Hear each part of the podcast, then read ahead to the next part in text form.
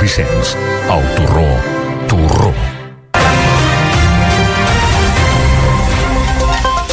Les 3 en punt, ens actualitzem. El PSOE i Esquerra s'asseuen a negociar la reforma del delicte de malversació. La portaveu del PSOE, Pilar Alegria, però, insisteix que no implicarà una rebaixa dels casos de corrupció.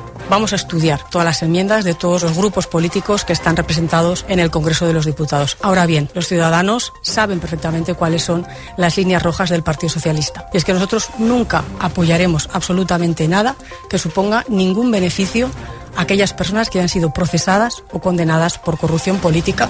Tots dos partits tenen temps per parlar fins dilluns, que és quan es votaran les esmenes a la reforma del Codi Penal en una comissió al Congrés dels Diputats. I el secretari general de Junts, Jordi Turull, carrega durament contra el nou delicte de desordres públics agreujats, que inclourà aquesta reforma del Codi Penal i que substitueix el delicte de sedició. Ho ha dit en una piulada a Twitter on ha criticat que la reforma que es planteja no és cap solució perquè ataca, diu, els drets fonamentals. Avui que el Carràs podria convertir-se en la millor pel·lícula europeu a poques hores de la gala dels Premis del Cinema Europeu Carla Simón, la directora de la pel·lícula, remarca que la nominació ja és un premi. Aquesta nominació, sobretot a millor pel·lícula europea, que, no? que, que és com està entre les cinc nominades, per mi ja és un premi absolut, no? I, i, i és molt difícil arribar fins aquí. Llavors, el que hem el que ens ha donat el Carràs fins ara és com que, bueno, jo no sé què més podem demanar.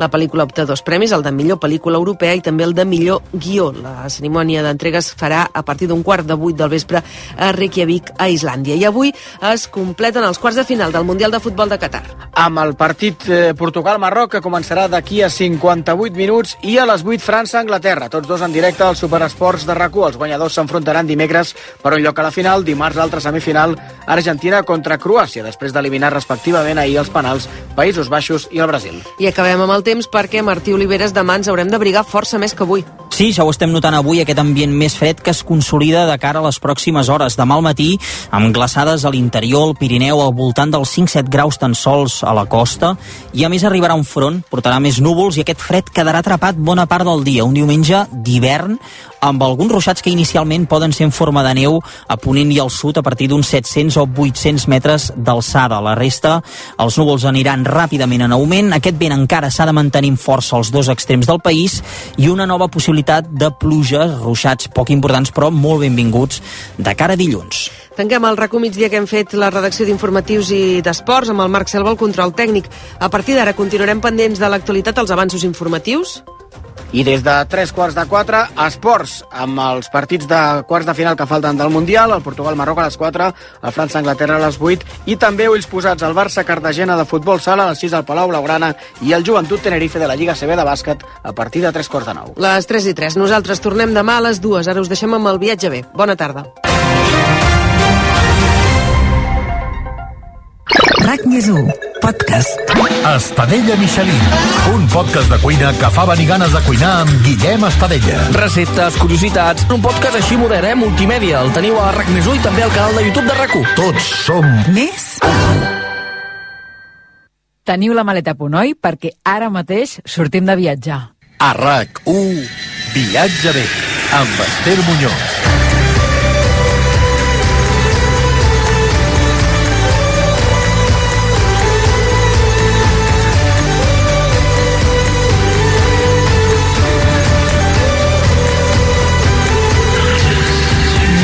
Tarda i benvinguts al programa de viatges de rac Avui viatjarem al nord de l'Argentina i anirem fins a la comunitat andina de Yaquispampa, la més aïllada de la província de Jujuy. Ens hi acompanyarà la directora i productora catalana Carmina Balaguer. La Carmina ha viscut al país argentí sis anys i allà hi ha rodat el documental La pantalla andina, un documental multiguardonat que el proper dijous 15 de desembre s'emetrà al programa El documental de Canal 33 3 i que ens relata la travessa que va fer per primer cop un equip de cinema mòbil amb l'objectiu de projectar pel·lícules infantils a un grup de sis nens que s'educa a 3.000 metres d'alçada. Una travessa en nom del cinema i la cultura, una història d'amor a ella i també a l'essència més pura del viatge. I després d'aquest recorregut per l'Argentina, passarem per la ciutat de Lleida per saber com celebren el seu Nadal i volarem fins a Viena, on passejarem pels seus mercats de Nadal amb la periodista del portal Mercadillos de Navidad vida.com, l'Helena Merín.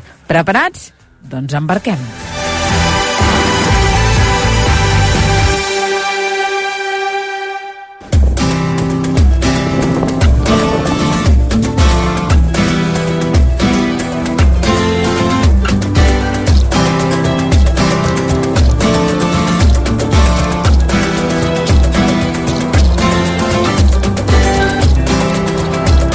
El proper dijous 15 de desembre TV3 emetrà el documental La pantalla andina al Canal 33, un film rodat el 2019 a les valls d'alçada dels Andes, un treball multiguardonat que el passat 29 de novembre es va presentar al Cinema Girona de Barcelona. Es tracta d'un projecte que ens porta fins al nord de l'Argentina per mostrar-nos molt més que un territori, per ensenyar-nos una història d'amor a la cultura i a l'essència pura del viatge. La directora, guionista i productora d'aquesta pel·lícula és la periodista Carmina Balaguer, a qui ja podem saludar perquè ens visita avui a l'estudi de RACó. Carmina, bona tarda i benvinguda al Viatge B de RACó. Bona tarda, Esther, a tots i a totes. Primer de tot, eh, et vull felicitar per aquest treball que es va estrenar al desembre del 2021. Va ser el 14è BBK Mendy Film Bilbao Vizcaya, on vas obtenir el premi a la millor pel·lícula de cultura i natura. El primer que volia saber és per quin motiu concret et van premiar, Carmina. Gràcies, Esther, i aquest premi està destinat a la pel·lícula que millor retrata la cultura de, de les muntanyes i la motivació que ens va transmetre el jurat era um, doncs, un premi a, per, per dur a acostar la cultura, un projecte que mostra com s'acosta la cultura a llocs recòndits i també eh, acostant la cultura doncs s'acosta a una fàbrica de somnis. No? Uh mhm. -huh. Però no és l'únic premi que has rebut, eh? Uh mhm. -huh. A part del Premi Euskadi, has hagut d'anar a altres llocs a recollir aquests guardons. Sí, Quins? portem un any de recorregut a, a festivals internacionals, a diferents eh, punts de, del planeta, ja portem uns 24 festivals, i doncs afortunadament també hem tingut altres reconeixements, com és eh, el Premi a Millor Pel·lícula de Muntanya del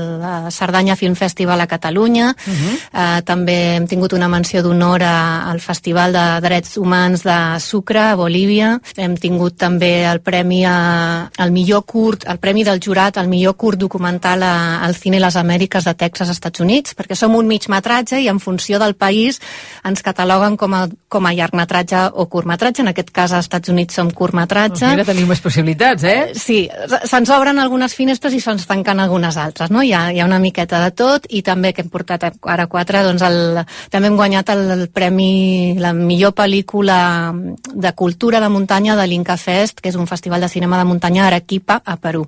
Uh -huh. I a Bolívia us vareu emportar una menció d'honor al 18è Festival Internacional de Cinema de Drets Humans de Sucre, com dèiem, eh, perquè paraules textuals del jurat -huh a la pantalla es desplega amb efecte la quotidianitat de l'esforç per fer valdre el dret a la cultura que tenen tots els pobles, no? Era aquest, Carmina, l'objectiu com a directora d'aquest documental? Sí, l'objectiu era múltiple, també es pot dir. El primer de tots, el més important, era visibilitzar una realitat d'una zona en concret, que això és una, el que faig és retratar una tasca d'un equip que porta cinema a, a llocs molt allunyats. Llavors retrato un viatge en específic i també com les mestres d'aquests espais s'involucren en aquesta feina cultural. El primer objectiu era retratar aquesta realitat, però també en el cinema vaig trobar un element universal en el que crec que, amb el que crec que tots i totes ens podem identificar, tots recordem la nostra primera pel·lícula a la vida i què ens va passar quan la vam veure. Llavors aquest element del cinema va servir com a disparador per eh, abarcar altres temàtiques que m'interessen moltíssim, com és la relació que aquestes cultures andines mantenen amb la terra, aquest vincle que es veu i es representa en el documental i també el rol de la dona en aquests espais rurals. Llavors, aquests dos temes m'interessen moltíssim poder-los comunicar fora de, del món andí, no? en, en, en, en territoris com són el nostre, i crec que el cinema va ser un element real que també ens ajuda a connectar més amb aquestes cultures més allunyades, no? com, uh mhm. -huh. com és la tradició andina. Doncs va, per crear una mica d'expectació, nosaltres que ja eh, hem tingut la sort de veure el documental, anem anem a repassar algun d'aquests aspectes i anem a escoltar algun dels moments de, del documental.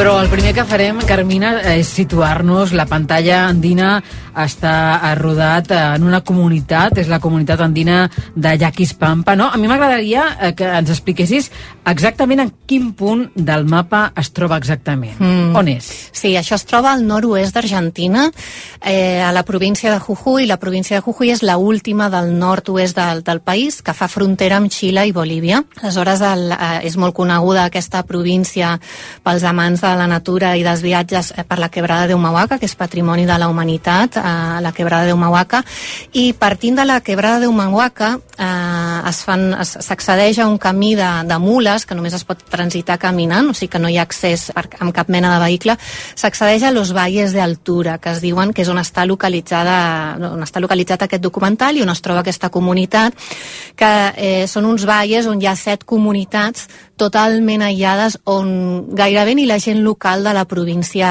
accedeix eh, només, bueno, només els propis eh, lugarenyos no? que diuen aquesta és la zona geogràfica de la història uh -huh. uh -huh.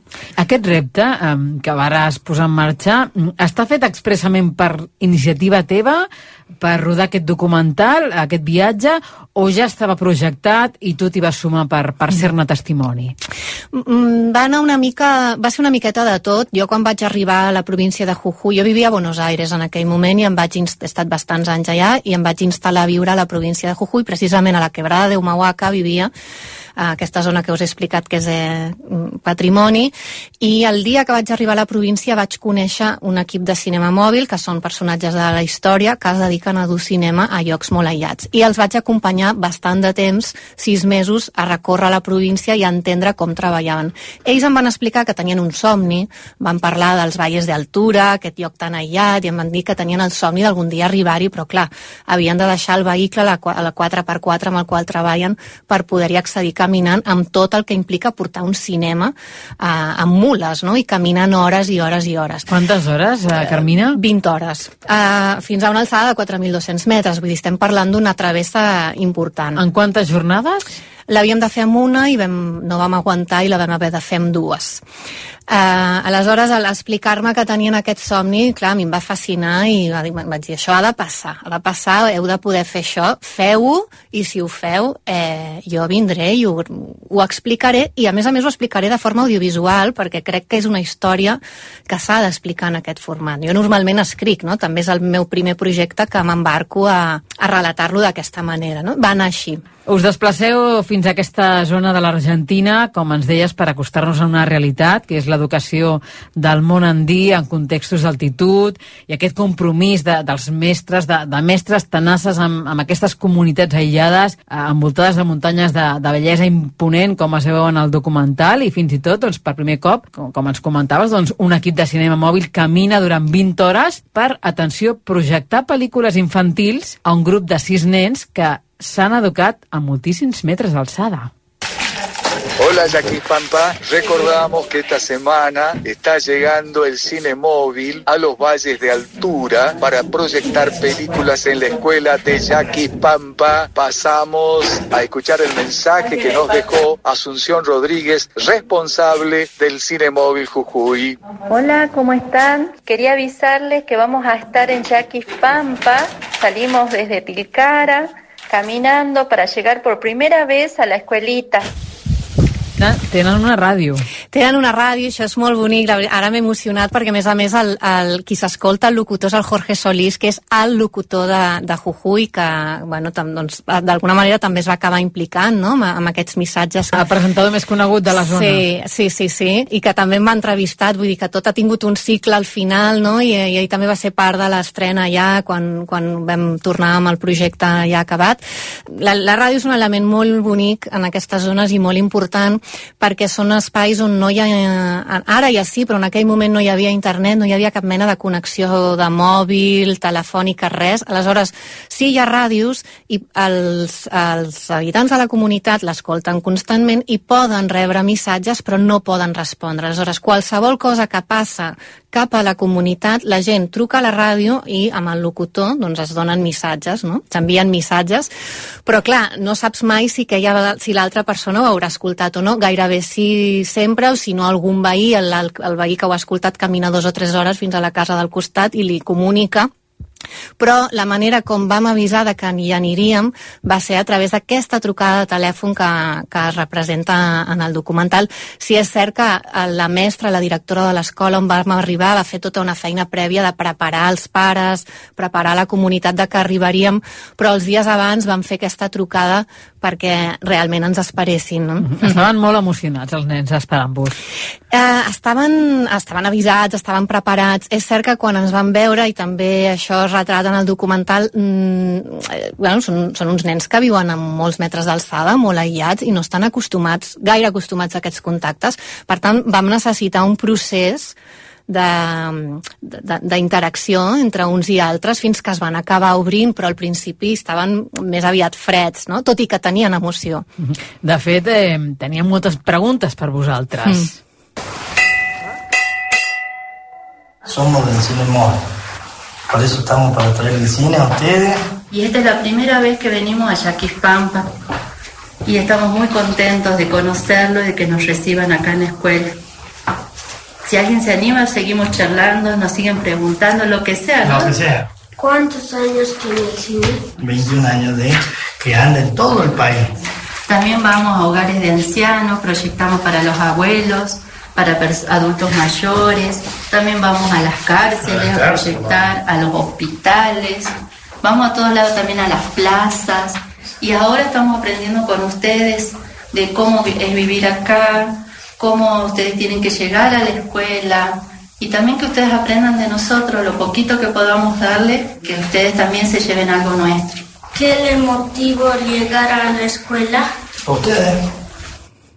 Aquestes eren les, les sí. qüestions eh, més recurrents, no? Les curiositats que, que tenien. Sí, sí, a més a més va ser molt bonic perquè vam dir ja que el cine hi va i nosaltres com a equip de filmació també venim i d'alguna manera és, estem, estem ocupant l'espai d'ells, no? ens estem ficant en la seva vida. Ja que farem això, vam pactar també amb la mestra que això servís com a material educatiu i pedagògic.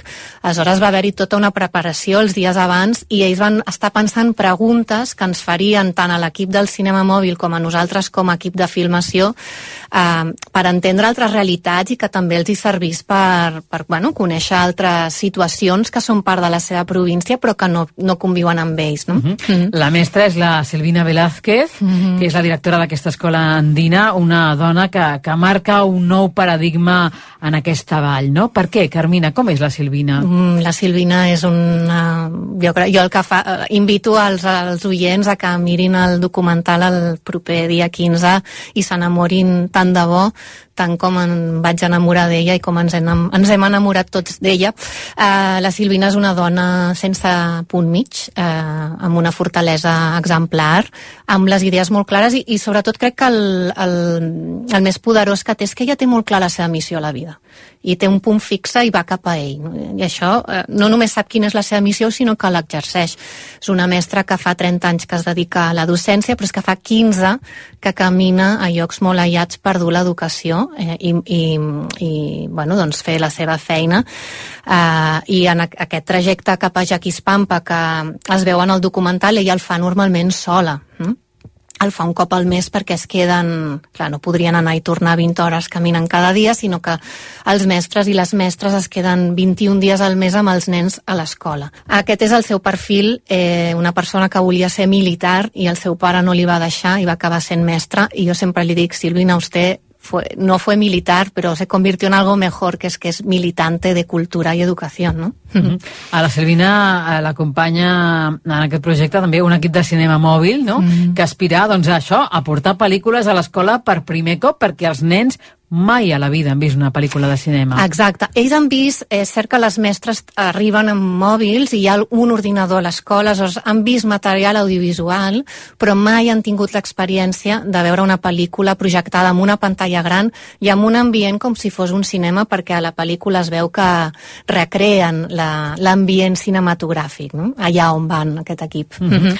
A part de la Silvina, hi ha una altra dona protagonista eh, en aquest documental, que és l'Assumpció Rodríguez, Mm -hmm. que és la, la dona que lidera aquest projecte, que també és capaç de caminar durant 20 hores per fer arribar al cinema als nens, que, com dèiem, doncs, viuen a moltíssims, a milers de metres d'alçada. Este lugar se encuentra a 85 kilómetros del departamento de Tilcara, que es el poblado más cercano, accede a pie o a montura, eh, con un recorrido de 14 a 16 horas y por, eh, como le dije, por camino de herradura. Uno debe tener un conocimiento muy bien del camino, ¿no? Y además la preparación física muy, muy buena, no solamente física, sino también espiritual, mental, ante las dificultades y adversidades.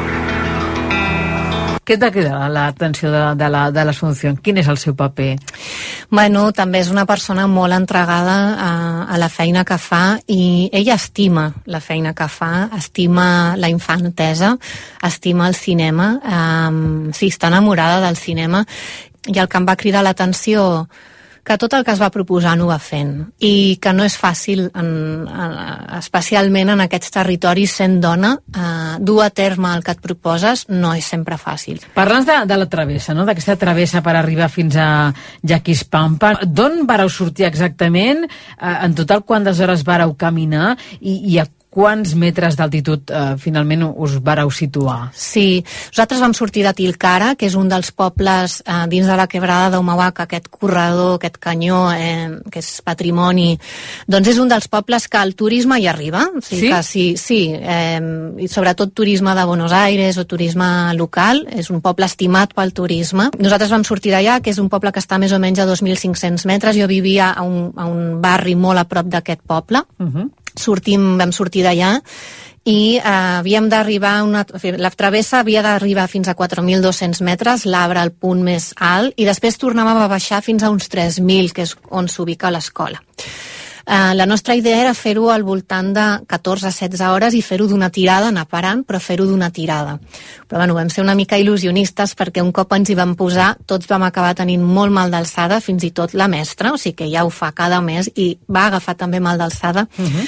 Ens vam retrasar unes 4 hores, clar, llavors ja no arribàvem a, a poder... Tot i que vam sortir de matinada de nit i la idea era arribar de nit i caminar de nit al final també, veiem que no arribàvem i també, bueno, això invito als oients a que mirin el documental per veure com es va resoldre, però vam haver de parar i fer nit. De fet, és que anàveu força carregats, no?, perquè portàveu fins i tot drons. Sí, exacte. Sí, que aquest, eh, el, el dron era important per molts motius. Primer perquè les condicions de la filmació impedia havíem de resoldre eh, a nivell d'imatge cobrir diverses situacions amb un paisatge molt inhòspit de recórrer, per tant el dron ens ajudava a cobrir bé segons quines situacions. Però és que a més a més també a la natura li he volgut donar un protagonisme. La Terra és un ésser viu per, per aquesta tradició andina, és un ésser viu femení a més, però és un, és un ésser viu i li volia donar aquest personatge, no la volia personificar a la natura i el dron també ajuda a tenir aquesta imponència que permet mm, com a espectador et permet vincular-te amb, amb la terra i amb el paisatge des de- des d'aquesta mirada. No? I a més a més, des de les alçades, gràcies al dron, s'observa i es veu amb tota mena de detall doncs, que només hi ha un camí de ferradura i que aquesta és l'única manera d'arribar fins al vostre destí. Mm. I en molts moments en precipici també, vull dir que era perillós i és perillós no només aquesta travessa que vam fer, sinó és que és perillós que cada mes les mestres la fagin, aquesta travessa, perquè l'han de fer cada mes, no? Va ser complicat el rodatge també, Carmina? Sí, clar. Sí, sí, sobretot per això del, de la, del mal d'alçada, que, que ens vam, ens, vam anar caient tots, i llavors vam estar bastantes hores sense poder filmar, perquè era o la salut o el material, no? I, bueno, doncs, evidentment vaig optar per, per la salut. I, a més a més, vam tenir una petita altra complicació, que això no ho vam poder enregistrar perquè està, no ens trobàvem bé, però amb l'alçada va... nosaltres anàvem amb dos bidons de gasolina bastant grans perquè portàvem un generador que ens permetria projectar les pel·lícules Mhm. perquè la, la llum de l'electricitat de l'escola es basa en panels solars i no era suficient per aguantar sostenir una projecció de cinema. No? Nos, anàvem amb un generador, que això és bastant impactant perquè es veu una mula carregant un, un generador a aquelles alçades, i anàvem amb dos bidons de gasolina. Un d'ells es va petar i va començar a perdre gasolina. No? Aleshores, a mitja travessia, vam, se'ns va acabar, com que ens vam retrasar, se'ns van acabar les bateries de la càmera, vam haver de carregar una miqueta el generador per poder carregar les bateries, no? O sigui, vam tenir totes aquestes complicacions tècniques que no es veuen. Això t'anava a dir, això no ho sabíem perquè no es veu en el No es veu, documental. no es veu. I quines pel·lícules vareu projectar? Mm. Una, més d'una? Vàries, sí. A més a més, cada nit es feia una sessió, però és cert que ells acaben sempre... Gairebé n'hi ha algunes que acaben triomfant sempre i les acaben demanant, no? És com que, no sé si és que s'obsessionen, però es fan fans de sobte de, de, de pel·lícules en concret. Quines eren? El, són pel·lícules del Juan Pablo Zaramela, que és un director d'animació molt conegut a Argentina, eh, i ell fa petites sèries d'animació amb, amb amb històries universals, històries de superació, que tenen molt d'èxit, sobretot en aquestes comunitats. No? Hi ha hagut un missatge, Carmina, eh, del documental que realment m'ha marcat. Hi ha una frase que diu no hi ha camí ni límit quan un estima el que fa, no? I aquí és veritat mm. que la vocació per part teva, eh, mm. pel càmera que també t'acompanyava, sí. eh, pel tècnic de cinema d'aquest eh, cinema peu, eh, que també doncs, hi ha col·laborat, que aquí us reuniu un grup de gent que mm, sou peces mm, totalment vocacionals, totes. Mm. I sí, Sí, jo crec que, que al final això també era el que volia transmetre a la història, que quan tens una vocació eh, pots arribar allà on vulguis, o almenys intentar-ho, i no només això, sinó que pots aportar alguna cosa a la societat. No? Uh -huh. Tu has estat vivint uns quants anys a l'Argentina, eh, concretament el 2013 mm, hi vas arribar, hi vas estar sis anys, has treballat de cronista de viatges eh, per a revistes com Viatges National Geographic, entre d'altres. Mm, què recordes d'aquella etapa? Mm, moltes coses. Seria difícil de, seria difícil resumir-ho. Eh, és una etapa que està amb mi, jo sóc això encara. Mm, suposo que durant tota aquella etapa vas aprofitar per, per viatjar, per conèixer la zona, per les persones que ens estiguin escoltant, que estiguin interessades en l'Argentina. Els recomanaries alguna ruta, mm. a, a, a algun poble, alguna ciutat per visitar que realment a tu doncs, també t'ha enlluernat? Mm. Clar, jo sóc una enamorada de Jujuy, que és a, a tota aquesta zona del nord-oest, no? que és la, la part eh, més andina i, i que fa més frontera amb, amb Xile, Bolívia, per tant sí que la recomano moltíssim. També la província de Salta, que és la província que està més avall de Jujuy, i també té tota, tota aquesta, aquest contingut ancestral, igual que Jujuy, per tant és molt interessant per això. Però en general és que Argentina... Mm, Argentina és un, un fractal del món, no? Té tot tots els paisatges que, que et pots imaginar estan, o gairebé tots. És un país tan gran com, com Europa, gairebé del, de d'Ushuaia a la Patagònia fins a la Quiaca, que és la frontera amb Bolívia, és gairebé la distància de Barcelona a Moscou, per tant us podeu imaginar, no? Et pots imaginar la, la varietat. Hi ha moltes argentines i, bueno, doncs jo el que recomano és anar-hi amb temps, perquè es requereix temps, les distàncies són llargues. Recórrer Argentina per terra és interessant, perquè també et fas aquesta idea de la magnitud del, de l'espai, no? de les distàncies i, i bueno, doncs és que a qui li agradin els glaciars Patagònia, a qui li agradin les cascades imponents la Misiones, Eh, des de Jujuy pots fer un salt bastant ràpid a Xile i anar al desert d'Atacama. Si t'interessa més el món andí, eh, la cultura ancestral, tirar cap amunt, cap a Bolívia i arribar a Perú, i que també pots seguir investigant tota aquesta vessant més cultural. Uh -huh. Carmina, el proper dijous, eh, 15 de desembre, com dèiem, al Canal 33 emetrà aquest documental, La pantalla andina. Uh -huh. Realment convidem a tots els oients a, a mirar-lo i a, a agafar les seves conclusions. Segurament s'animaran també a conèixer la zona i doncs entendre doncs, que, com tu dius al documental, el cinema és un viatge un viatge més que ens transforma com a societat i que vivir-lo és un dret. Mm -hmm, així és. Moltes gràcies. Carmina, enhorabona pel documental, pel projecte, que, que no s'atura aquí, suposo que, que continua el viatge. Continua, hi ha, hi ha nous projectes per davant, també centrats en, en, en aquesta zona i, bueno, espero que aviat hi hagi novetats. I que en puguem parlar aquí a Recull el viatge bé. Moltíssimes sí. gràcies. Gràcies a tu. Enhorabona.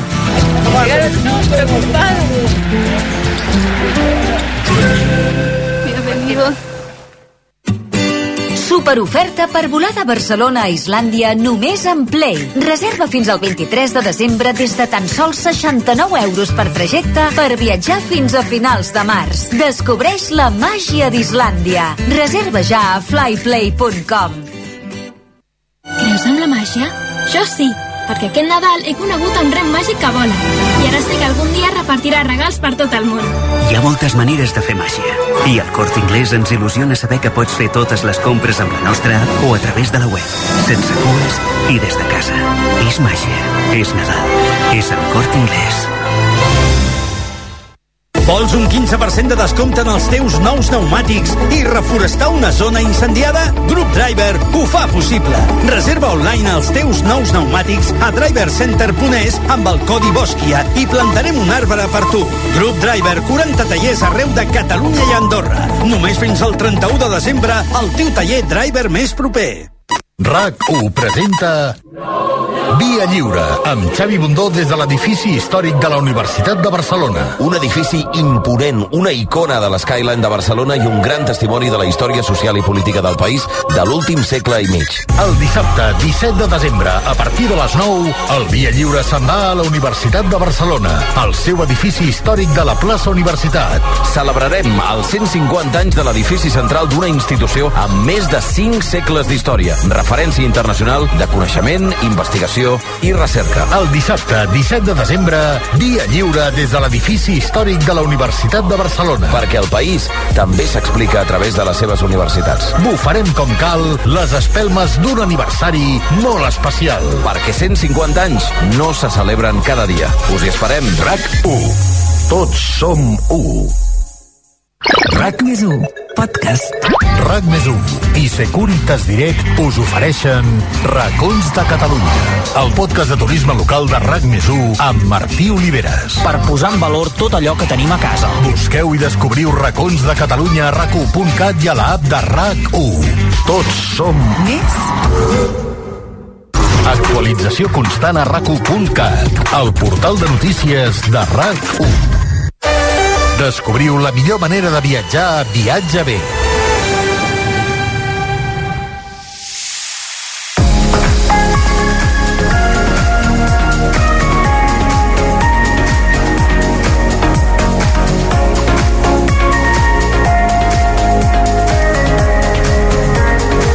setmana passada vàrem ser a la Fira de la Bet d'Espinelves, fa unes quantes edicions que us portem ja pels mercats nadalencs europeus, hem estat a Andorra, i avui és el torn de Lleida. Anem fins a la capital del Segrià per parlar en aquests moments amb la seva regidora, amb la senyora Marta Gispert Rocasalbas, que és la regidora de Consum, Comerç, Mercats i Participació de l'Ajuntament de Lleida, per saber com viu la ciutat aquests dies. Marta, bona tarda, benvinguda.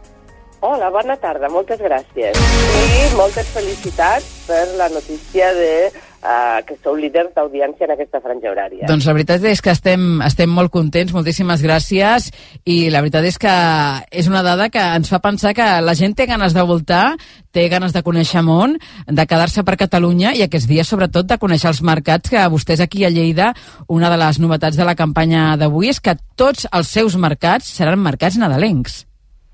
Doncs sí, eh, és cert, tenim doncs, una oferta molt variada de, marca, eh, de mercat aquí, aquí a Lleida. Tenim el mercat de, de Santa Llúcia, amb la tradicional parada d'arbres de Nadal, figures de presebre i elements nadalencs, que està instal·lat a la plaça Sant Francesc, fins al dia 24 de desembre, en ple eix comercial.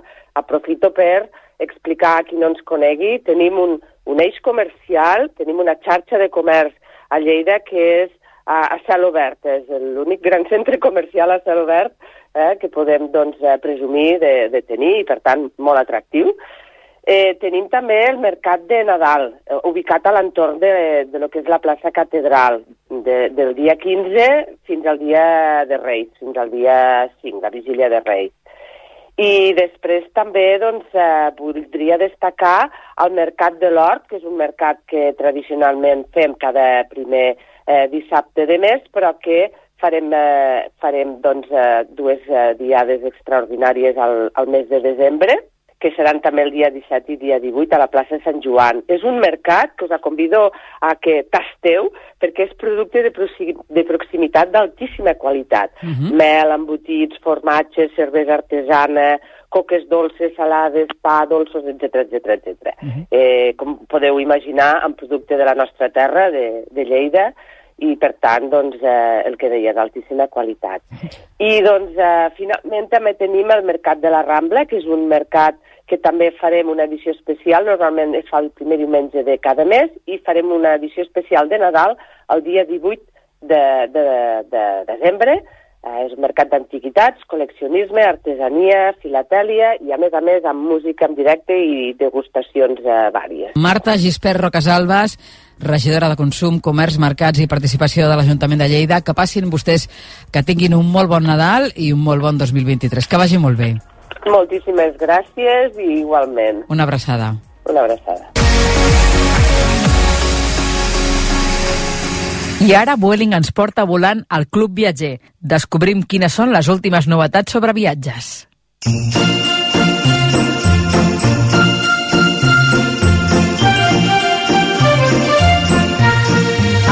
bé ens encanta el Nadal i sobretot ens encanta viatjar.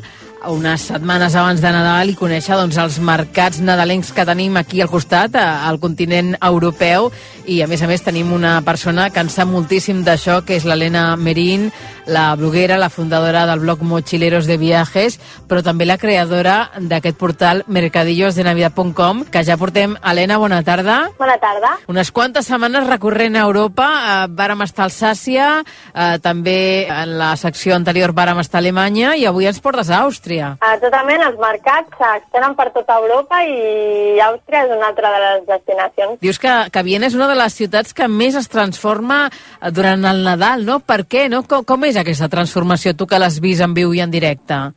Mira, jo he visitat Viena tant a l'estiu com al Nadal i en el dia a dia és una ciutat bastant discreta, però que al Nadal llueix amb grans i petits mercats de Nadal situats per tota la ciutat, inclosos també els jardins dels palaus més importants de la ciutat. S'engalana, s'il·luminen molts espais del centre i inclosos també les pastisseries més populars i els hotels més rellevants. Estava pensant en quina diferència, no? per exemple, eh, els ciutadans de Barcelona, no? si comparem eh, la decoració nadalenca de, de ciutats com Viena i la nostra, no? quin canvi, no? quin salt hi ha. No té res a veure, és, és com dius tu, un salt qualitatiu. Eh, o sigui, a mi m'agrada Barcelona, però és molt diferent i realment és lluir, lluir Sí, sí. al Nadal. És que ens ho deies tu, no? S'il·luminen els hotels, s'il·luminen les pastisseries, s'il·lumina tot, se li dona vida a tot. Sí, i a més vas passant pels carrers i això, vas trobant-te doncs llocs. Eh, no cal que sigui la plaça més principal, però segur que hi ha alguna decoració super destacada i molt ben elaborada.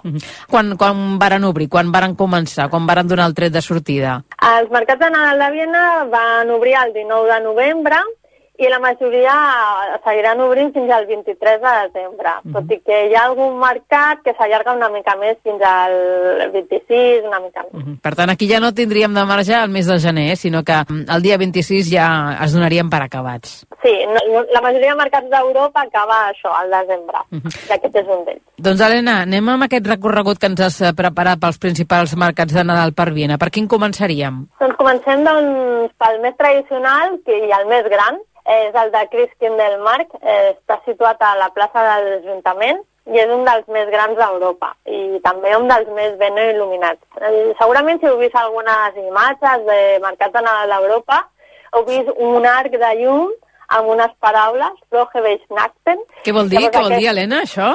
Eh, bon Nadal, Mhm. aproximadament. Llavors, aquest és la, la porta d'entrada al mercat de, de Nadal de, de la plaça d'Ajuntament de Viena. Quin contingut té aquest Nadal? Què hi podem veure? Trobareu doncs, això, eh, una gran quantitat de xalets d'artesania i de gastronomia, on a més de la, els típics productes de Nadal, com són el vi calent, etc., també podreu gust- degustar molts pastissos representatius d'Àustria de Viena, com per exemple la tarta Sacher Home. o la tarta, o la tarta Mozart. Que no faltin, que no faltin, eh? Els dolços típics, no? I, i a part de les tartes, del dolç, alguna cosa més?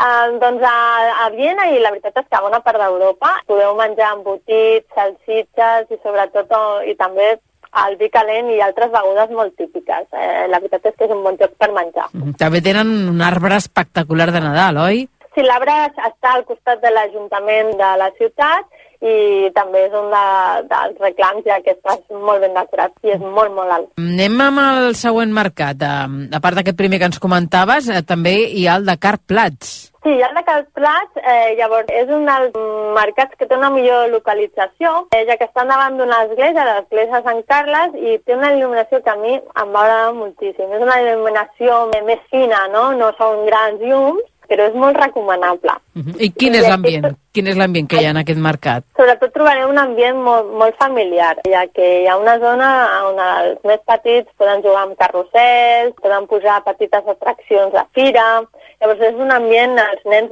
realment s'ho passen molt bé en aquest mercat. Uh -huh. Seguim. Després de Carplats, cap a on ens portaries? Doncs Viena eh, és la ciutat dels palaus i dos d'ells acullen mercats de Nadal. Llavors, el primer, per exemple, que podeu visitar és el de Schönbrunn. Schönbrunn és l'antiga residència d'estiu de la monarquia i està a les, al mercat de Nadal s'instal·la a les afores, no està dins del palau uh -huh. ni tampoc dels seus espectaculars jardins. Això que estigui clar, eh? està a l'entrada. Però bé, és un mercat doncs, que podeu també trobar moltes propostes gastronòmiques. Uh -huh. També podem uh, entrar-hi al Palau si, si ho desitgem? Sí, podeu comprar l'entrada i doncs, la visita és molt recomanable. Podeu veure una col·lecció de vestits que portava Sissi i visitar diverses estances del Palau. I sobretot a mi el que em va agradar més va ser el seu jardí, que és molt espectacular. Uh -huh. Escolta, Malena, ens deies que el mercat de Nadal als Palaus acull dues propostes. Una és aquesta, de Schönenbrunn. Eh, L'altra quina és? Hi ha el Palau de Belvedere, és un altre palau que n'hi ha a Viena i també doncs, al davant d'aquest palau barroc al jardí també podreu trobar un altre petit mercadet on sobretot doncs, podeu acostar-vos i tastar una mica de vi calent i algun dolç. Doncs Helena, moltíssimes gràcies per aquestes escapades i t'esperem el proper dia amb l'especial Lapònia, d'acord? Gràcies a vosaltres. Una abraçada. Adéu. Adéu.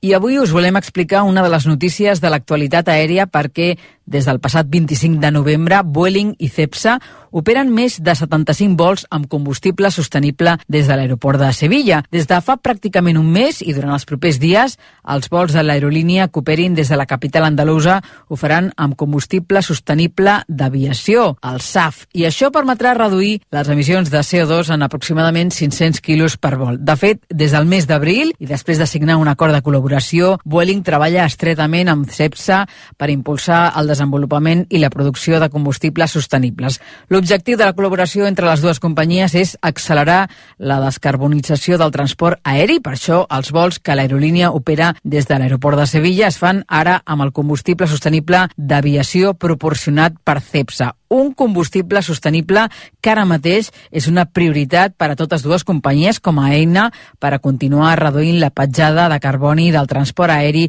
i contribuir d'aquesta manera a la lluita contra el canvi climàtic i la consecució de l'Agenda 2030. Amb la utilització d'aquests combustibles sostenibles, les emissions de CO2 a l'atmosfera es podran veure reduïdes fins a un 80% respecte al carburant convencional. Aquesta és una de les principals alternatives per a descarbonitzar el sector de l'aviació juntament amb la millora de l'eficiència de l'espai aeri, on Vueling ha estat pionera a establir un grup de treball amb el gestor de l'espai aeri espanyol Enaire i també l'operació d'avions més eficients com els nous Airbus A320 Neo de l'aerolínia. Informació de servei, com sempre, aquí al Viatge B de RAC1. Consells i inspiració per al teu proper viatge. Troba la teva destinació ideal. Sol i platja, natura i rural, urbana i cultural. En família, Vueling et porta a ciutats d'Espanya, Europa, el nord d'Àfrica i el Pròxim Orient. Visita el web o l'aplicació, tria la destinació i cerca els vols que et vagin millor. Inspira't amb Vueling.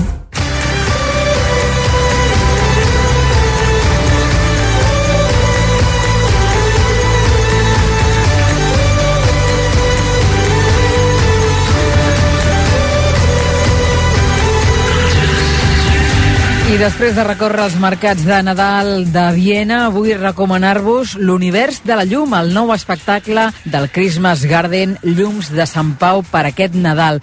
Noves instal·lacions en un viatge que aportarà els visitants per planetes i galàxies amb un recorregut ampliat i diferent per gaudir en família. L'Univers de la Llum, des del 22 de novembre i fins al 15 de gener, al recinte modernista de Sant Pau. Entrades als llums www.radiotrinitat.com. Fins aquí les nostres escapades d'aquest dissabte al viatge B Avui, a més, us volem avançar que la setmana vinent serem a Platja d'Aro, Castell d'Aro i Segaró per conèixer tots els plans de Nadal que ens ofereixen aquestes destinacions de la Costa Brava. Salutacions meves i de l'Enric Soto a la realització tècnica, que acabeu de passar un molt bon cap de setmana i recordeu que ens retrobem, si voleu, el proper 17 de desembre a les 3 i 3 de la tarda. Aprofiteu el final de l'aquaducte, al final del pont, i us hi esperem la setmana vinent. Que vagi molt bé. Senyores i senyors, en nom d'Ester Muñoz, gràcies per viatjar en Viatge B a rac i fins dissabte que ve.